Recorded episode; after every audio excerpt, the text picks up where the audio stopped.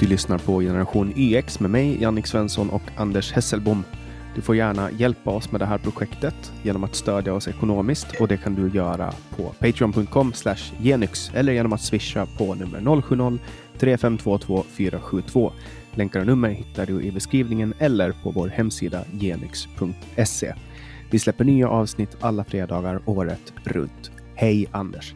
Hej Jannik! Jag noterar din förändrade ton i att viska ut den här informationen i början av avsnitten. Lite grann som samtal 2.0 eller något sånt där. Men nu börjar det låta som folk när du inleder det här programmet och det känns ju bra för då kanske alla som lyssnar tänker hmm, det här är ett bra program, det ska vi lyssna på. Vadå, Vilket... har jag viskat förut? Eller? Ja, du har gått från att eh, viska introt till att successivt börja prata och nu är du uppe på normal 100% samtalstonen när du introducerar programmet. Så nu är cirkeln sluten. Bra jobbat! Okay. Ja, men det är kanske för att jag, jag har ju alltid medhörning eh, och jag har liksom mm. hörlurar på mig och hör min egen röst. Och då pratar man kanske inte så högt för att jag hör mig själv så jävla amplified i öronen. Mm. Och sen är jag mm. på, ganska, jag är på ganska dåligt humör idag, Anders. Aj då, det var inte bra. Nej, jag vill inte dra ner folk, men, men jag är fan på dåligt humör idag. Jag har gått runt och stört mig på allt möjligt. Alltså, idag hade vi i skolan, vi hade någon föreläsning som var obligatorisk, en Zoom-föreläsning. Och, mm. och, och, det var intressant. De pratade om intressanta ämnen och, och så här, det var hälsa och kost och så. Vi måste få våra barn att röra på sig mera. Men Bra. det är någonting med det här svenska sättet som gör mig så förbannat jävla arg. Att det är så här, det enda, man, det enda man kan komma fram till är att det behövs mera resurser och man behöver samordna resurserna och man behöver sprida kunskap. Säg ett politiskt problem som inte kan lösas med de tre sakerna. Nej, allt, allt. Och sen står folk där och bara Okej, nu, nu låter du väldigt... Behöver jag vara orolig för det? Nej, men eh, du har rätt. Det är precis så vi löser problematiken i svensk politik. Men svensk politik handlar ju väldigt mycket om yta och fasad. Eh, vad som är bra för Sverigebilden. Eh, ett jättebra exempel är ju den här diskussionen som jag alltid hamnar i inom humaniströrelsen. Det är ju det här att 25 procent av dem och dem är rädda för det och det. 20 procent av alla bla bla bla är rädda för att bli överfallna och sånt där. Och då ska man alltid konstatera att ja, men risken för att bli överfallen är ju mycket lägre. Och just det där sättet att flytta fokus, för då slipper man ta hand om problemen. Och sen så fanns det ju någon statistik på någon skola där 20 procent av ungdomarna på vägen till skolan har blivit rånade. Ja, men risken att du blir rånad just idag är ju väldigt liten, så iväg mm. med dig. Liksom. Man ska liksom inte prata om problemet. Det var Nej. ungefär som den här, uh, den här, det här som du länkar till mig uh, angående Nya Kastet skola i Gävle mm. som, som måste stängas då på grund av att eh, för det första så har de ett fucking bulvanförhållande. Ja. Eh, det vill säga att förra, förra rektorn fick ta över skolan när det visade sig att, att dåvarande ägare var extremist och så mm. liksom ger de över det och så är det ett bulvanförhållande och så fortsätter de. Så kommer säkerhetspolisen och bara, ja men här får ni inte hålla på, de får inte ha skola här för att det är, de är extremister. Men i hela SVT-artikeln så läste jag inte någonstans vad de är för extremister. är, det är, det, är, det, är, det, är det nazister? är det syndikalister? Är det då kommunister? Hade du, då hade du läst det kan jag ju säga. Nej, men jag mm. tycker att du tar upp Nya Kastets skola i Gävle ett jättebra exempel på det. Därför att vi har ju varit en kläckningsmaskin för internationella terrorister i Sverige. Och nu är ju Kastets skola ett sådant exempel som faktiskt har blivit avslöjat för att vara det. Men varför skattepengar? Varför kan man inte bara prata om de här problemen? Och jag, jag menar, det finns ju ingenting som säger att Sverige har ansvaret att tillgodose världen med terrorism. Vi kan strypa de finansieringarna. Ja, det, det, det, det, det är superkonstigt. Ja. Uh, jag har läst Johan Westerholms bok Islamismen i Sverige och jag har pratat om det innan. Och så ser man hur han presenterar på ett, på ett bra sätt liksom hur de här pengarna kommer in i systemet och hur de går genom olika studieförbund. Och det är så här, varför ger ni ens pengar till? Varför mm. ger man ens pengar till sånt här? Låt folk finansiera sina grejer själva. Ja. Det är inte, alltså det är så, brinner man för någonting, då hittar man både tid, pengar och resurser för att göra det. Alltså, så, så, så är det ju. Och så om man inte kan göra det, då är det ju hobbyverksamhet. Man kan ju ta en religiös församling som medlemmarna gillar och tycker är bra. Ja, då kan ju medlemmarna betala en medlemsavgift. Det behöver liksom inte vara staten som samlar in en massa pengar. Vi har ju det här exemplet med Netflix eller Spotify. De klarar sig alldeles utmärkt utan att det är obligatoriskt finansierat av staten. Utan de som är intresserade av Spotify och gillar Spotify får väl betala en medlemsavgift så är det bra. Liksom beta inte min trädgård, gör vad du vill. Sen är det ju klart, man ska väl inte ha frivilligt finansierad terrorismutbildning heller, men man ska definitivt inte ha statligt finansierad eh, terroristutbildning. Och jag kokar ju alltid ner till det här när det gäller religiösa friskolor. Att Eh, huvudmannens religion säger väldigt mycket om intentionen och drivkraften, eller incitamentet att driva skola. För det finns ju de som säger, ja, men här och här har du ett exempel på en religiös friskola som eh, fungerar jättebra. Ja, men vad kul. Kan vi inte ställa kravet på att skolan ska vara sekulär utan att huvudmannen som är religiös blir mindre intresserad av att driva skolan? Då kanske det inte är utbildningen brinner för, då kanske det är religionen brinner för. Mm, huvudmän, får gärna, ja, men huvudmän får gärna vara religiösa, men skolan ska fortfarande vara sekulär för det. De försökte ju starta någon imamutbildning just och, det, det där och så blev det liksom ingen, så var det så här, nej men det får ni inte göra, ni ska inte utbilda imamer här. Och sen hade de exakt samma kursplan, bara det att de bytte namn från imam till typ så här eh, ledare eller något sånt. Religiös ledare. Alltså det var en ja, så här jätte... Trollkarlsledare eller något sånt där kanske. Kom igen. Alltså det är så här, jag, jag, satt, jag satt och läste om feodalsamhälle häromdagen och så tänkte jag så här, hade de det så jävla hemskt på den tiden? De betalade 10% skatt och det enda mm. de behövde oroa sig var sin överherre som kom eh, lite nu och då och, och, drev in den här skatten. Eh, mm. Alltså idag betalar vi för fan 55 Nu raljerar jag, det förstår du. Jag tycker inte att feodalsamhälle är ett ideal på något sätt, men man betalar tionde. Ja. Man betalar 10% skatt. Idag betalar vi 55% skatt. Ja, var tionde till kyrkan. Men eh, det är i och för sig lite värre än vad det låter i och med att det var liksom oskattade pengar som man betalade var tionde. Så, men visst, det är ju ännu värre idag. Så är det absolut. Apropå fasad, jag, jag vill lite snabbt, för jag vet att vi har ett jättespännande program framför oss, men jag vill bara lite snabbt, eftersom precis nu innan du och jag sätter oss ner och, och pratar, så såg jag Ylva Johansson, ett klipp hon är ju våran EU-kommissionär. Hon använder eh, terrorattentaten i Frankrike som argument för att lobba för att man ska driva igenom den här Firearms Directive, vilket i princip då är motsvarigheten till vapenlicens i EU. Och den syftar alltså till att försvåra tillgången på legala vapen, alltså ja, ja, så, folk som kan, så folk som kan hantera sina vapen mm. ska få det svårare att hantera sina vapen för ja. att det finns terrorister som hanterar illegala vapen. Bra, jag, bra idé där, sosse. Nej, men jag, jag är ju för det här. Jag tycker att det här är jättebra, därför att det innebär ju att den som vill följa lagen kommer att göra det mycket bättre. Vi har jättebra vapenlagar i Sverige. Men det finns ett litet problem. Hur ska man få terroristerna att vilja engagera sig i de här frågorna? Alltså min gode vän som är jägare, det är ju han som blir påverkad av att man gör förändringar när det gäller licenskrav.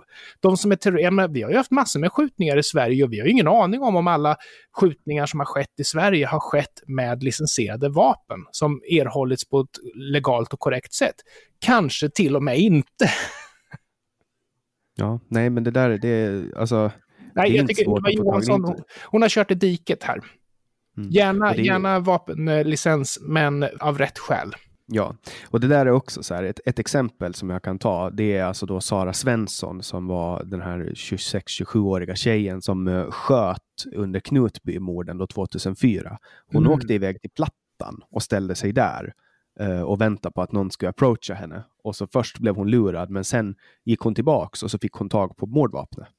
Vadå, uh, hade hon inte licens för vapnet eller? Nej, nej, nej. Hon, hon hade inte licens för vapnet utan hon köpte det på plattan och så blev hon upptränad av den hon köpte den av i hur, hur man ska använda det. Så Ylva Johansson har inte ens i teorin förhindrat tragedin i Knutby? Nej, inte ens i teorin, men det spelar ingen roll för socialdemokrater. Därför det viktiga för dem, det är symbolvärdet. Eller hur? Det är fasaden. Ja, anledningen att jag tar det här exemplet med Knutby är att jag har läst, alltså på, på fem dagar så mm. läste jag fyra böcker om Knutby. Oj! Ja, så, så extremt inslukad blev jag av den här grejen och jag blev så inslukad att jag till och med spelade in ett avsnitt i samtal med en före detta pastor. Peter Genbeck, eller hur uttalar du hans namn? Ja, exakt. Genbeck. Ja, Genbeck. tror jag. Eller Genbeck, fan. Nu, Ja. nu blir jag osäker. Strunt samma har du hört det samtalet? Ja, och han har ju hållit en hög profil överlag i vad som har hänt i Knutby. Det var ett väldigt intressant samtal. Jag har ju naturligtvis massor att säga om både det och om honom. Vi kanske hinner avhandla det. Men jag vill bara säga att jag är fascinerad över att Knutby-affärerna är så fängslande hos folk. Och jag tycker man läser det i varenda krönika som tar upp Knutby, inte minst i Nerikes Allehanda som jag läser på daglig basis, att de alltid börjar med ja, det har allt och det är religion och det är relationer och intriger och det är sex och det är mord och det, det har allt. Ja, men liksom, är mer alltid mer? Alltså, jag kan bara prata för mig själv, men det som fängslar mig med det här är den så extremt hårda manipulationen som skedde. Mm. Så jag kan ju dra en liten kort recap för de som inte känner till Knutby, för jag vet ju att det, det finns folk som inte gör det. Mm. Eh, så allting, det, det uppdagades då 2004, så, så fick eh, SOS Alarmet ett samtal då från en man i Knutby som sa att han har blivit skjuten i ansikte av en okänd förövare. Eh, polisen kommer dit, konstaterar att han är skjuten. Mm. Hans, eh, någon går och väcker hans grannar, varav de då hittar en annan kvinna död, skjuten med tre skott i sängen. Eh, så det här var då ett mord och ett mordförsök. stort, liksom. Och lilla Knutby som ligger liksom utanför Uppsala. En liten, liten, liten ort. Eh, och det visar sig ganska snabbt att båda de här är medlemmar av Knutby Philadelphia, som Mm. är då en, den lokala pingströrelsen. Och inom några dagar då så har man arresterat Sara Svensson, en 26-27-årig barnflicka kallades hon för. Hon var egentligen inte barnflicka, men hon fick det namnet. Mm. Och sen då så tog man också då mannen till hon som blev skjuten, eh, Helge Fossmo, och misstänkte honom för anstiftan till mord. Mm. Och efteråt så startades världens, världens mediacirkus där det läckte ut saker om att i den här församlingen så rådde det sektliknande förhållanden. Man trodde att eh, Jesus inom närtid skulle återkomma för att gifta sig med Åsa Waldau som då var också pastor i den här församlingen och hon blev då Kristi brud. Eh, och det framgo, framgick ganska tydligt i media att det här var en sekt. Men i sekten så förnekar man det här och skyllde allting på Helge Fossmo som fick livstidsfängelse för anstiftan till mord. Sara Svensson som sköt fick eh, rättspsykiatrisk vård och sen fortsatte den här sekten ända fram till 2017 med Mm. Åsa Waldau som hade eh, slavar från församlingen som, som slavar i hennes hushåll och gav henne alla sina pengar. Får jag fråga, har du lyssnat på Åsa Waldaus skiva? Nej. Nej, jag har gjort det. Jag har en eh, gammal kollega som är släkt med eh, Valda och familjen, så de var med på releasepartyt, så jag lyssnade på det där. Men det var inget bra. Men jag vill bara säga att den skivan har lite grann... Nu ska vi se, jag är faktiskt hundvakt och min dotter som äger hunden har kommit hem och hunden är väldigt glad. Så om ni Men hör... det, vi låter, jag tycker det är jättetrevligt. Ja, vi låter det där vara kvar. Våra lyssnare får stå ut med att det är som det är. Livet rullar på. Nej, anledningen till att det här är aktuellt för oss örebroare, det beror på att vi hade en fenomenal musikproducent, Jonas heter det. Jag tänker inte hänga ut folk med namn här, men han bodde i Örebro. Men valde att flytta till Knutby på grund av att han ansåg att de var mera äkta, de, var mera, de stod närmare Gud, att vi var lite för sekulära här i bibelbältet. Så att säga. Ja, hunden är jätteglad. Så han flyttade till eh, Knutby och gick med i deras pingstförsamling då. Och han är ju, hans familj är ju liksom nyckelpersoner i den här händelsen de också. De är centrala de är. Mm. Så, så det är därför Närkes Allehanda förmodligen älskar att bevaka det här. Det är ju för att eh, den här familjen då, en Örebro-familj som har flyttat dit. Ja, och det var han, bland en av de böckerna jag läste, då hans dotters bok. Mm. Hon beskrev då sin uppväxt i den här sekten. Eh, och, och det är en av böckerna. Då. En annan bok som jag läste var då Peters bok såklart. Mm. Sen läste jag också förundersökningen då. Eh, Mm. Förundersökningen Knutby som är, ganska heltäckande som tar det här helhetsgreppet. Men det har skrivits så många böcker på eh, det här ämnet och jag tycker att det är, nu, nu börjar jag känna att jag är rätt mättad, for now i alla fall. Mm. Eh, men men eh, jag, jag slutar inte vara liksom fascinerad. Det kändes liksom andaktligt att köra in i Knutby. Ja, men och... det, det håller jag med om. Det kan jag faktiskt dela den känslan. Att man, man kör in i ett historiskt område. Ja. Men däremot, jag tror att det, det, som gör att jag inte är så fascinerad av berättelsen, det är ju att hela mitt väsen har ju en teori om vad som händer om religion aldrig kritiseras eller ifrågasätts. Och eh, i det ena lövet i den här trädstrukturen som jag har i mitt huvud, där hittar vi ja, Isis och Al-Qaida. Och i ett annat löv så hittar vi Knutby. Liksom, för mig var Knutby har liksom funnits i mitt medvetande med de här morden och tragedierna långt innan det ens fanns. Därför att jag har en, jag har en teori om varför jag tycker att religion är dåligt. Och Knutby bara be bekräftade den. Mm.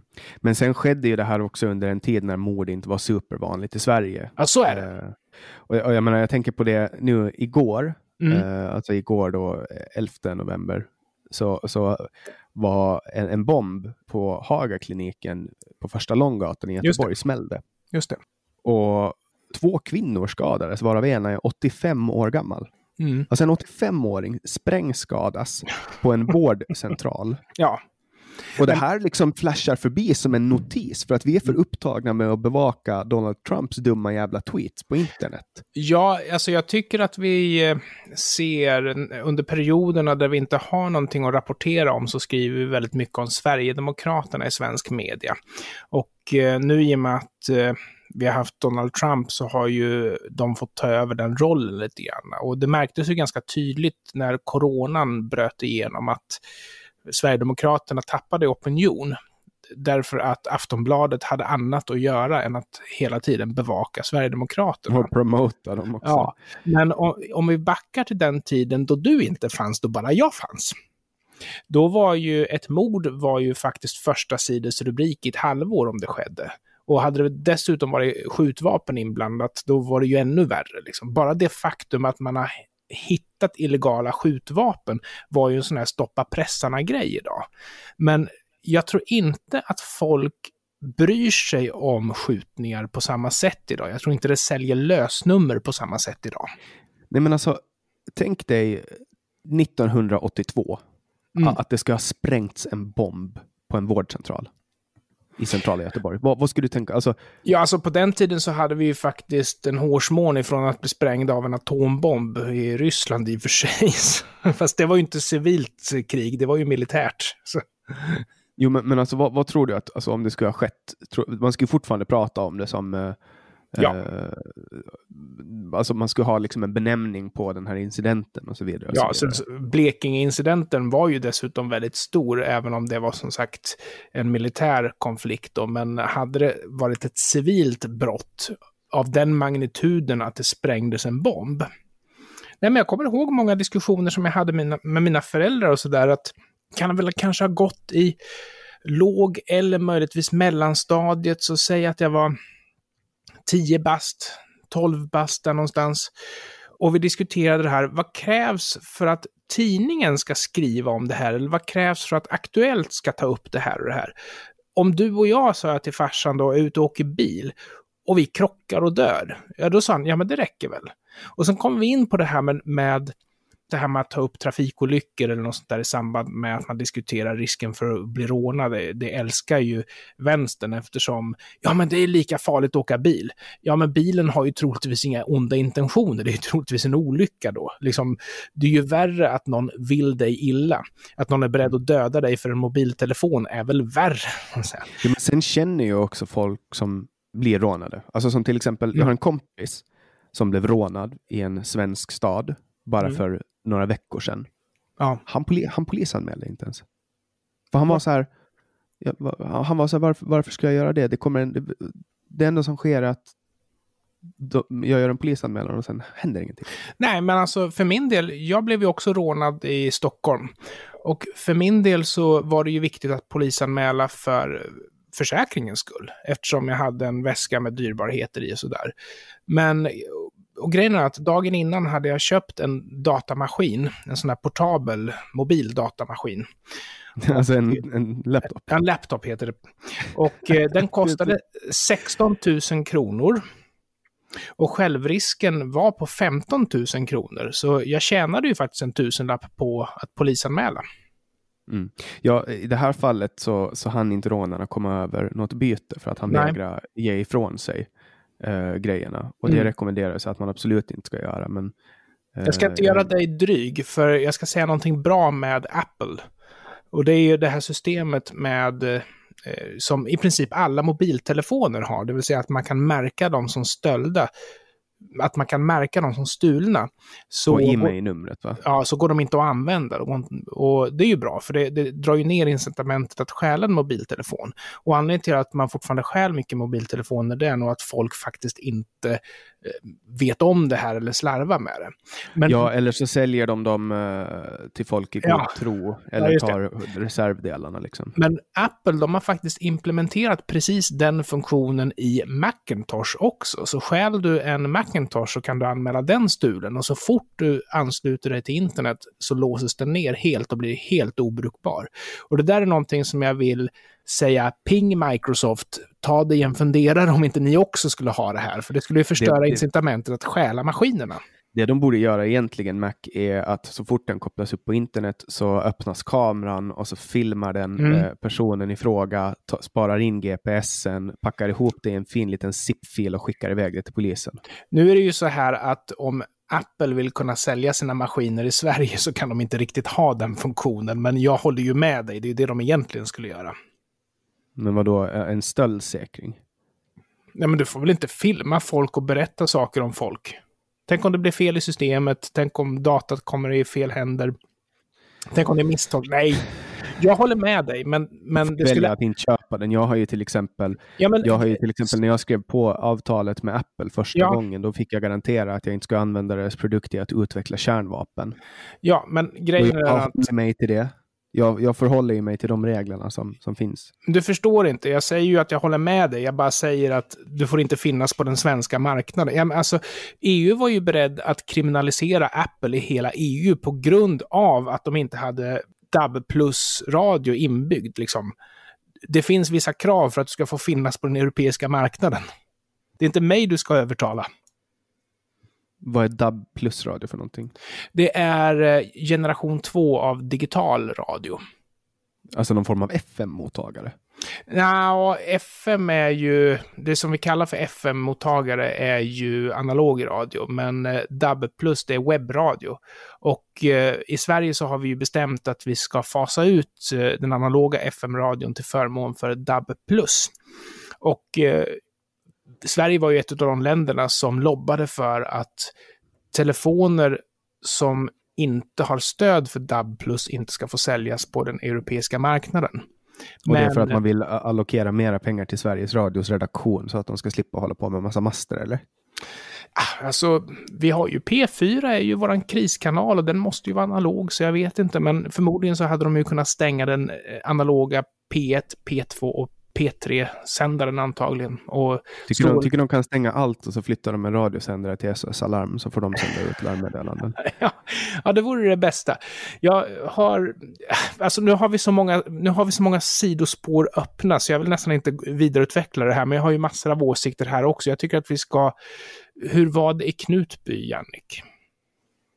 Det var, det var spännande att köra in i Knutby. Um, det, var liksom, det var nästan lite du vet som att det var lite dimma och det var mörkt. Jag visste att nu kör jag förbi det här huset där allting har hänt och sen åkte jag in till Peter och, och väl där inne när vi satt och pratade, då berättade han att det var i det huset som Knutby Philadelphia hade haft sin församlingslokal förut mm. och att det var där som Åsa Waldau förlovade sig och gifte sig med Jesus.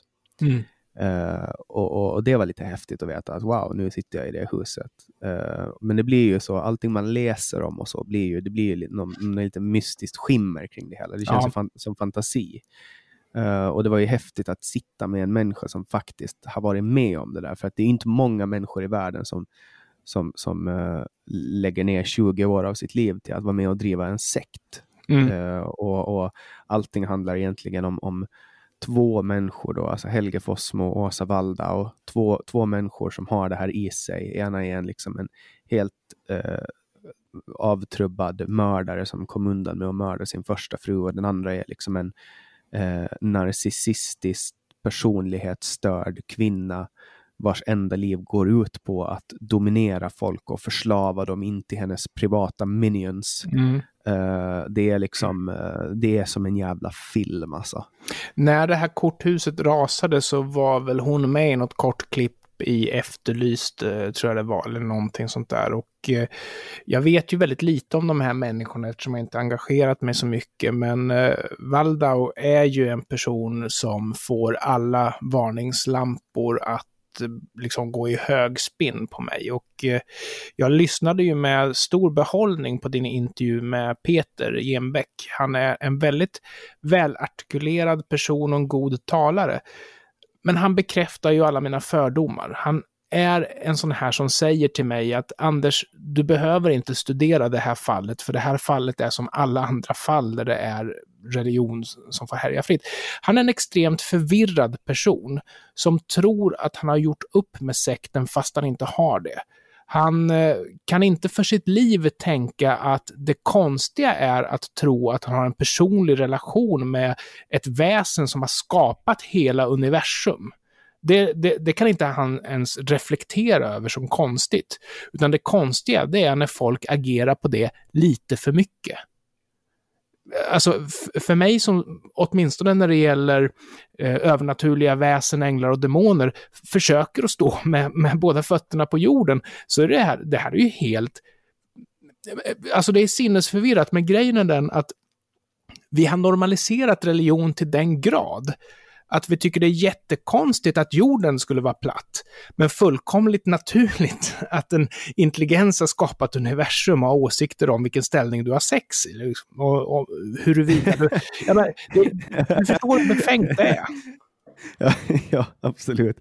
Och jag vill, eh, jag vill eh, säga där att, att ja, det är konstigt att ha en blind tro på saker på det här sättet och att man tror på änglar, och att man tror på demoner och så vidare. Det är i min värld är det underligt och konstigt eh, och så. Uh, men sen kan man ju aldrig ta någons personliga upplevelser ifrån dem. Nej, att nej, om, nej. Om, Där, någon, om det... någon trivs bra med att, att känna att de har en skyddsängel och så som vakar över dem, så absolut. Det jag du, säger är ju inte att... Push that dick in my mouth. Please. Nej, bra sagt. Men det jag säger är ju att jag vill inte få det att sluta tro att det bor enhörningar på månens baksida. Det jag säger det är att din tro att det bor enhörningar på månens eh, baksida säger någonting om hur galen du är. Inte någonting om hur verkligheten faktiskt ser ut.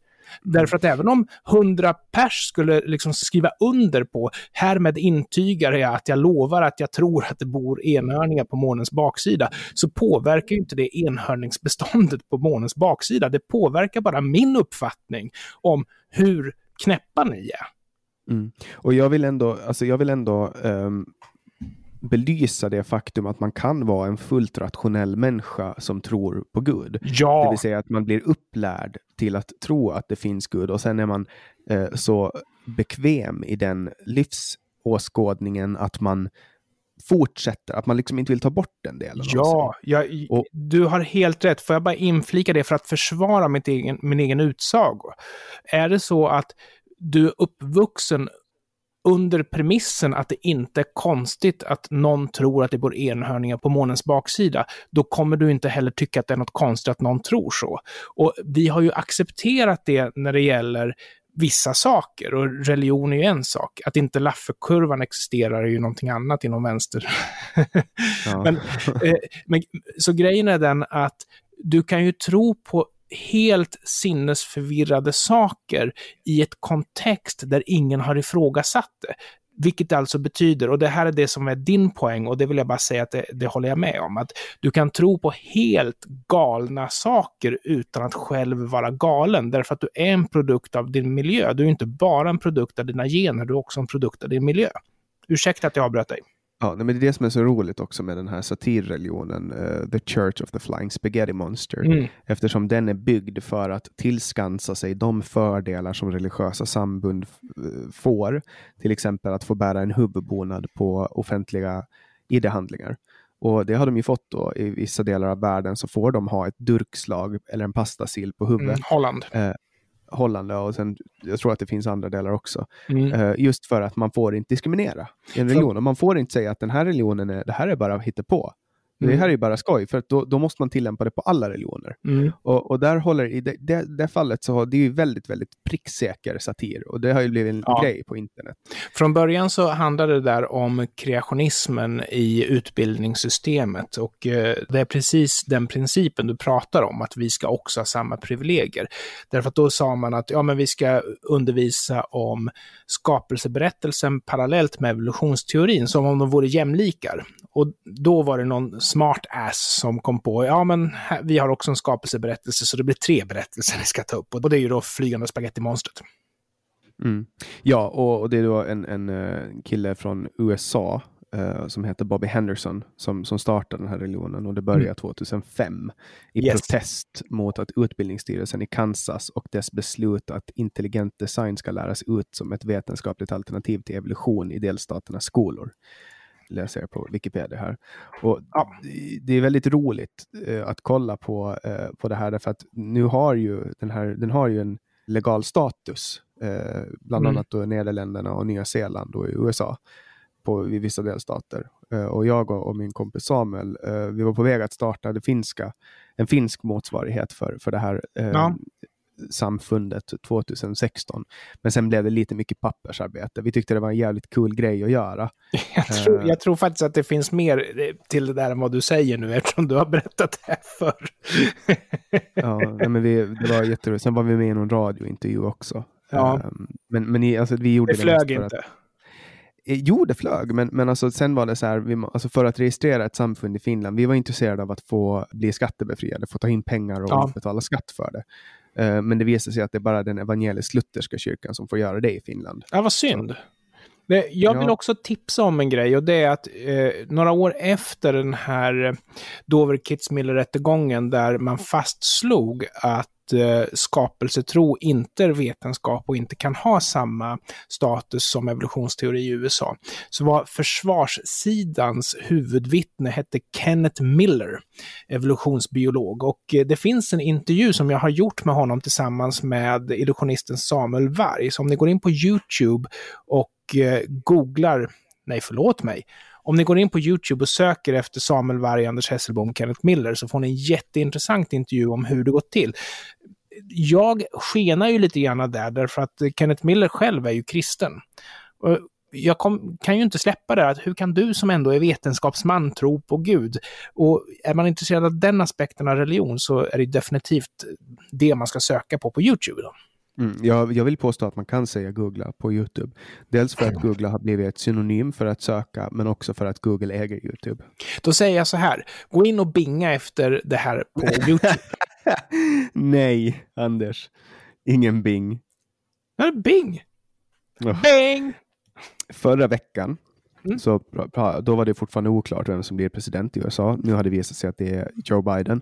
Jag förlorade mitt vad, så Unibet har tagit mina pengar. Sur, sur, sur. Det bevisar ju hur, hur stora problem det är med Donald Trump. Men det roliga här, Mm. tycker jag, är att hela den svenska vänstern jublar åt att en konservativ högerman just har vunnit ett val. Men vicepresidenten är ju väldigt, väldigt, väldigt vänster å andra sidan. Så Ja, och sen har hon ju också, hon är kvinna och hon är rasifierad. Det går hem i Sverige. nej, jag orkar inte. Jag, Prata. ty- jag tycker är inte att det spelar någon roll, men jag såg massa hyllningar på Facebook. Första kvinnliga vicepresidenten, första svarta kvinnliga vicepresidenten, första, första, första, första. Ja, okej. Ja, men det är De- jättebra. alltså, det är jättebra säkert, jättebra, men, men, men varför fokusera så jävla mycket på deras yttre attribut och varför inte kolla på deras politik istället? Så här, alltså, och, och hur kan USA, som är ett så jävla stort land och har så jävla många stjärnor, dra fram två stycken sådana här kandidater? Hur kommer det sig? Kan, kunde de inte ta fram två bättre än Donald Trump och Joe Biden? Ja, men, men Vilket alltså, jävla Donald val! Trump, Vill du ha pest eller vill du ha kolera? Donald Trump blev ju kandidaten för fyra år sedan. Han var väl per automatik kandidaten nu. Alltså det var ju folk som, som försökte bli uppskrivna som deras kandidat, antar jag. Men man prövar väl säkert alltid. Men, men alltså det, det måste Mm. finnas i USA det måste finnas mer brighta människor än de två, tycker jag. Alltså, jag vet inte om Joe Biden har problem med att han inte är smart. Alltså det som jag har problem med Joe Biden det är att de här bilderna när han kladdar på småflickor, de har liksom bränt sig fast i min näthinna och jag kan inte jag kan inte titta på honom utan att jag påminns om det där och jag tycker sånt där är väldigt obehagligt. Så jag håller mig från Joe Biden eftersom jag har så svårt för vuxna män som tafsar på unga flickor. Jag, jag, mår, jag mår nästan illa utav det. Så jag tycker att USAs president får vara USAs president. Han är ju inte min president. Mm. Ja, jag, ty jag, tycker inte heller att det är trevligt med äldre herrar som tafsar på unga kvinnor. Men för vänstern så är det väl okej okay, så länge inte Trump blir president. Och vackert så. Ja, fast han har ju eh, kladdat på vuxna kvinnor. Så, och det är de ju väldigt upprörda över. Att Donald Trump har? Ja. Grab him by the pussy. Eh, men, men alltså grejen är att han ja, har... Men det, han sa i det, vid det tillfället, jag tänker inte försvara hans svinaktiga beteende, nej, nej, nej. men han sa att they even let me grab them by the pussy. Alltså ja. i kontext så sa han ju att de låter honom göra det, vilket är, det är consensual. Ja, inte så tolkar jag det i alla fall. Ja, alltså jag lägger ingen värdering i det där, men helt oavsett så är det ju så att, att kladda på vuxna kvinnor är i folks allmänna medvetande ett ganska stort brott. Det är bara att jag personligen blir äcklad av män som kladdar på små barn. Mm. Ja, det håller jag med om. Det håller jag med om. Vi får se hur det går. Uh, nu ska i alla fall Donald Trump uh, driva legala processer där alla röster ska räknas om och så vidare. och så vidare. Ja. Men jag tycker det är ganska magstarkt. Alltså nu, nu, nu låter det kanske som att jag försvarar Donald Trump, men jag tycker att det är ganska magstarkt av svensk media att liksom bara svälja ett så här jämnt valresultat mm. utan att liksom när det kommer från Vita huset rapporter om att det har pågått valfusk. Men vi är ju lite brända eftersom vi har ju flera gånger fått höra uttalanden ifrån till exempel Stefan Löfven om att han inte tänker avgå och att han tycker att det är oseriöst med misstroendevotum. Att många av de här verktygen som eh, utgör den demokratiska processen anser han vara oseriöst. Han tar ansvar genom att sitta kvar. Och jag kan tänka mig att det finns en viss förfäran inom svensk media över att folk inte tar den demokratiska processen på allvar eftersom Stefan Löfven har dribblat med det här så länge. Och ser man då att eh, USAs president också dribblar med det här, då är det klart, då blir man väl förfärad antar jag. Ja, men jag tänker ju att om man inte är rädd för att valresultatet ska visa någonting annat, då mm. borde man inte heller vara rädd för att man använder de kontrollsystem som finns inbyggda. Ja, samtidigt så är det så att jag tänker inte försvara Trump här, för jag tycker att Trump gör fel här. Han gör fel. Han är en, ja. han är en fullständig inkapabel idiot som twittrar ut sådana saker. Ja. Men om han på riktigt tror att det pågår valfusk, då bör han få driva de rättsliga processerna och få det prövat. Ja, ja, det kan han ju. Utan att man sågar sönder honom. Det kan han få göra. Men grejen jag, tycker att... det är alarmer, jag tycker det är alarmerande att få höra att det eventuellt kan ha skett valfusk. För valfusk, speciellt när det är sådana här små marginaler som ja. det blev nu. Det, det är ju klart att det har förekommit valfusk det har ju aldrig skett ett val i Sverige utan att det har förekommit valfusk. Men frågan man får ställa sig är ju om digniteten av fusket är jämförbar med marginalerna som vi bråkar med. Men å andra sidan så är det ju så att han får ju utan att bråka, utan att dra in rätten eller någonting, så får han ju omräkning per automatik i flera stater därför att reglerna är utformade till hans favör. De säger ju att du måste räkna om om skillnaden är mindre än en procent. Och är det då så att resultatet blir samma båda gångerna man räknar så kommer man ju kunna avfärda det och säga att ja, men valresultatet är rätt. Så han behöver det, är väl andra, det är väl andra som räknar de sedlarna också? Va? Ja, men han behöver, ja precis, det är andra som räknar dem dessutom, så det är en kontrollmekanism. Så han behöver ju inte bråka. Grejen är ju den att han vill ju ha ett domslut på att han är fortfarande är president. Och jag tror att han bränner sig där, för om han i det här läget skulle lyckas driva de processer som gör att han är president även framöver, så har han Då ju inte han... vunnit folkets legitimitet. Nej, exakt. Och det, det, där är bara, det där är bara dumheter. Ja. Alltså, sitta ner i båten och ha ett kallt huvud. Liksom. Alltså, jag tror att han, det finns många saker han skulle kunna ha gjort för att inte tappa de rösterna. Han, eller han har väl vunnit röster, men att, för att vinna det här valet. Ja. Det finns mycket skulle kunna ha gjort för att göra det. Han får nog skylla sig själv lite, tänker jag. Och en det, är fråga... inte, det är inte så vanligt att man blir av med sin presidentatur Nej. eh, efter fyra år som Donald Trump blir nu. Nej. Mycket ovanligt. Och sen så om det nu är så att man har räknat döda människors röster, vad är det som får Donald Trump att tro att döda män bara röstar demokratiskt? Ja, det, det undrar man. Det, kanske, det kanske är så att Det han... att döda människor har röstat på honom. Och, och Ja, tänk det- om alla döda människor har röstat på honom då? Ja, jävligt konstigt. Ja du, Anders. Jag tror att vi får sätta ett streck där för idag. Jag behöver rusa vidare. Jag har lite saker som jag måste göra. Måste betala skatt och sådana saker. Jag som hade så mycket mer att prata om, men vi får stå ut med att eh, ha en cliffhanger till nästa vecka då. Ja, Jag kommer, jag kommer inte, det är inte så att jag eh, skyndar mig iväg för att betala skatt, men, men det, är, det är den 12. Eh, jag behöver göra klart alla verifikat för att veta hur mycket skatt jag ska betala, annars blir de arga. Nej, men jag vet att det här är viktigt för dig, för du tycker att principen med höga skatter är väldigt viktig. Åh. Nej, jag tycker, att det är, jag tycker att det är rena rama jävla rånet. Och, och skulle det inte vara så att jag hamnar i fängelse om jag inte gjorde det så skulle jag inte göra det. Ja, men jag känner mig lite avvisad, men det är okej, för jag tycker det var trevligt att prata med dig och jag vet ju om att jag får chansen igen. Så jag accepterar det du säger och eh, väljer att inte ta upp nästa ämne. Och mer av oss kommer du att få höra nästa vecka i Generation YX med mig, Jannik Svensson och Ash. Ash. Det, det var mitt handle när jag gjorde demos på C64. ASH. Anders Hesselbom. Okej. Du får gärna stödja det här projektet och på så sätt hjälpa oss att täcka för fasta kostnader som uppstår i och med att vi betalar för servrar och sådana saker. Det gör det enklast genom att gå in på patreon.com genix eller genom att swisha på nummer 0703522472. Länkar och nummer hittar du i beskrivningen eller på vår hemsida www.genix.se. Du får inte jobba ihjäl det nu. Jag hör att du börjar blanda ihop saker. Ja, men det blir så. Alltså, jag, jag drar olika varje vecka. Vi släpper nya avsnitt alla fredagar året runt. Tack så mycket för idag, hörni. Ha det.